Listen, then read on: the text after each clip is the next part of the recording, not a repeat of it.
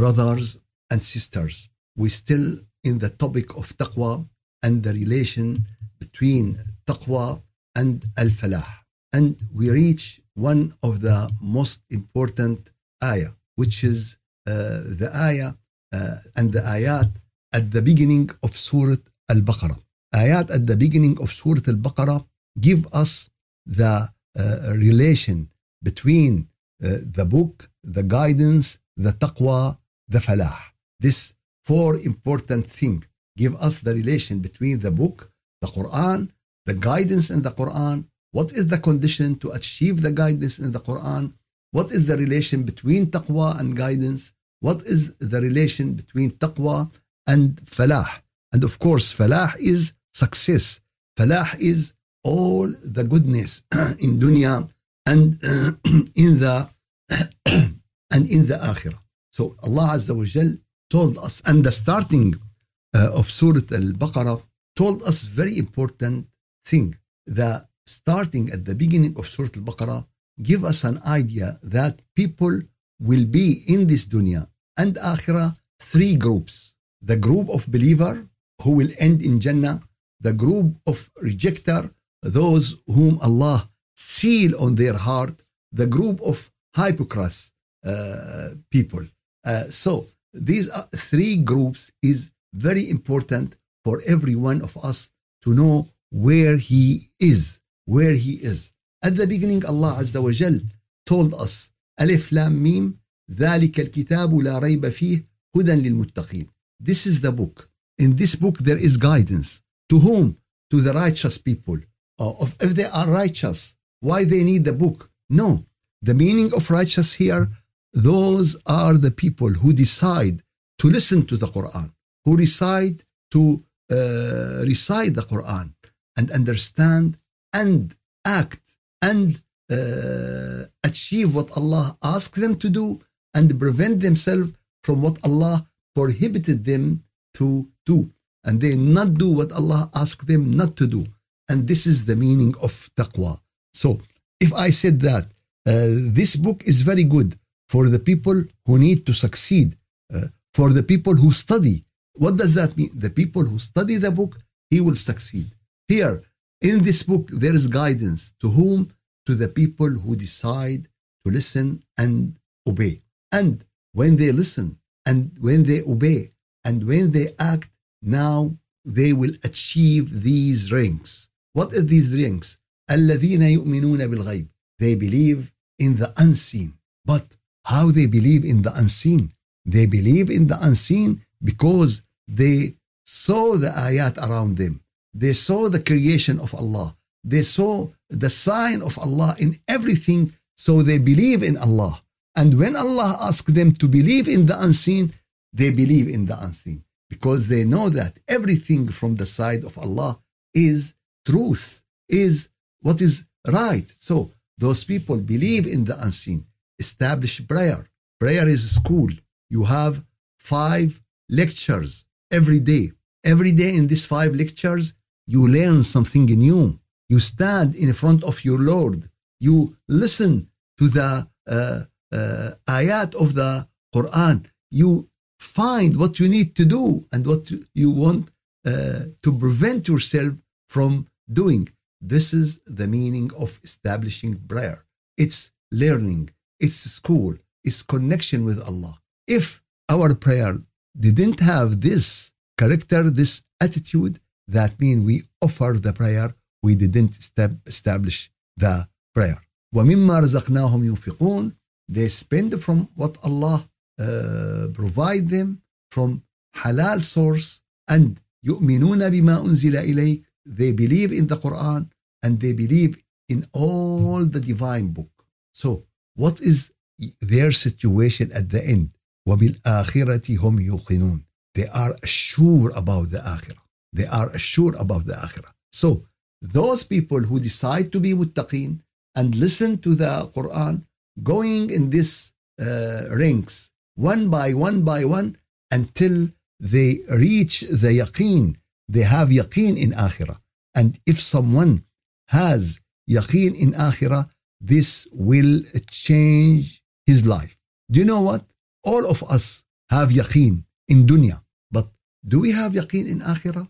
Sit, uh, bet- uh, sit alone and discuss the matter with yourself. Do I have yaqeen in akhirah?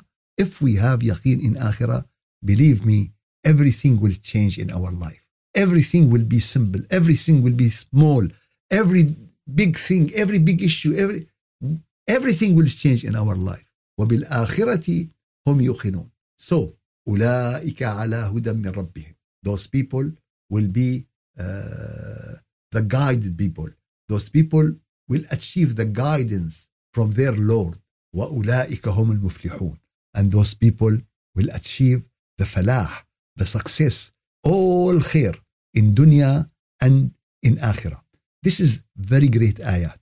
Connect the book and the guidance of the book and the muttaqeen and what the attitude of muttaqeen and how they achieve the uh, yaqeen in akhirah and how they achieve the guidance from their Lord and how they achieve the success. So this ayah is the last ayah.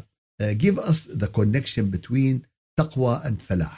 But there are some ayat also told us uh, to do something and not to do something and is connected to al-falah. Uh, for example, Allah Azza wa Jal said, وَلْتَكُمْ مِنْكُمْ أُمَّةٌ يَدْعُونَ إِلَى الْخَيْرِ uh, It's ayah, uh, Surah Al-Imran, ayah 104. Uh, it should be a group of you who calling uh, to what is khair, to what is good, and ask the people uh, to do al-ma'ruf, what is good, and ask the people not to do al-munkar, what is bad. And those are uh, al-muflihun, those people who calling to Allah Azza wa Jal. And those people, those al-muflihun, uh, uh, why Allah mentioned this? It is not a part of taqwa. Yes, it is a part of taqwa. But Allah mentioned this because He wants to give us the importance of this issue, the importance of da'wah ila Allah Azza wa Jal. And also the ayah uh, number uh, 67, Surah Al-Qasas, فأما من تاب who repent to Allah and believe in Him and uh, do what is good, those people will be from al-muflihin, from the uh, success people. Also, the uh, repentance is way to al-falah. There is no falah without uh, repentance. The uh, last, uh, the one before last is uh, the ayah number 90 in Surah Al-Ma'idah and it's tell us that all who believe the wine and the gambling and the ansab and azlam it's it's impure deeds. It's impure action from the Satan. So stand away from it and this is the way to succeed. This is the way to falah. لعلكم تفلحون. Uh, here Allah mentioned to us something to avoid it. And if we avoid it, uh, this is way to falah. And Allah mentioned this thing is a part of taqwa to uh, to stand away from the wine and from gambling. It's a part of taqwa. But Allah mentioned it here because it is very important.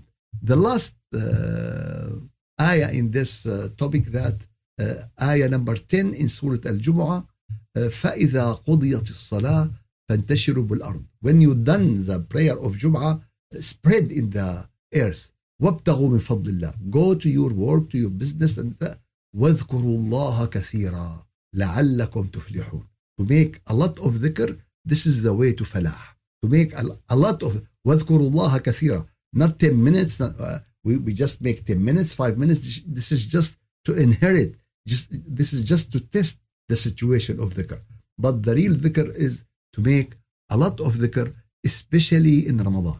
Especially in Ramadan, you don't eat, you don't drink, your soul is uh, very pure, very light. It's suitable time to make a lot of dhikr because this will be the way to be succeed, to success in dunya and in, in akhirah. May Allah accept from all of you. May Allah accept your attending, accept your fasting. And now we're done with the topic of taqwa and falah. Inshallah, tomorrow we will start a new topic with taqwa, taqwa and another uh, topic, inshallah. May Allah give you khair and afia. May Allah accept from all of you. والحمد لله رب العالمين الفاتحة أعوذ بالله من الشيطان الرجيم بسم الله الرحمن الرحيم الحمد لله رب العالمين وأفضل الصلاة وأتم التسليم على سيدنا محمد وعلى آله وصحبه أجمعين.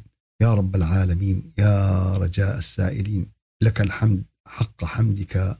سبحانك لا نحصي ثناء عليك أنت كما أثنيت على نفسك. يا رب يا رب لك الحمد حمد الذاكرين حمد الشاكرين حمد الصائمين حمد القائمين حمد المنيبين. يا رب لك الحمد حمدا يليق بجودك حمدا يليق بكرمك. يا رب لك الحمد حتى ترضى. يا رب لك الحمد حتى ترضى. يا رب لك الحمد حتى ترضى.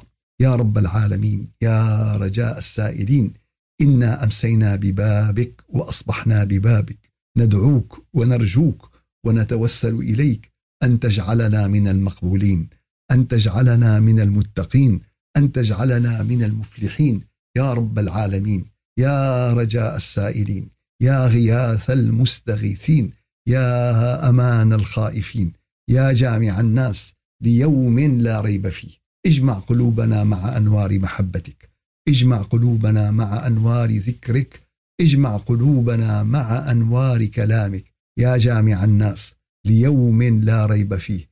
اجمع قلوبنا مع أنوار ليلة القدر. بجودك وكرمك وفضلك يا أكرم الأكرمين يا أرحم الراحمين يا رجاء السائلين يا غياث المستغيثين لا إله إلا أنت سبحانك إنا كنا ظالمين. لا إله إلا أنت رب السماوات السبع ورب العرش العظيم. اللهم يا رب أنت الحق وكلامك الحق وكتابك الحق ونبيك الحق والجنة حق والنار حق. يا رب العالمين يا رب العالمين اغفر لنا ما تقدم من ذنبنا وما تأخر. اعف عنا اغفر لنا ارحمنا يا رب ارحمنا يا رب واحفظ أبناءنا واهدهم إلى صراطك المستقيم واجعلهم من المتقين واجعل ذريتنا من المتقين واجعل ذريتهم إلى يوم القيامة من المتقين. اللهم آمين اللهم آمين وسلام على المرسلين. والحمد لله رب العالمين إلى شرف النبي وأرواح المؤمنين الفاتحة.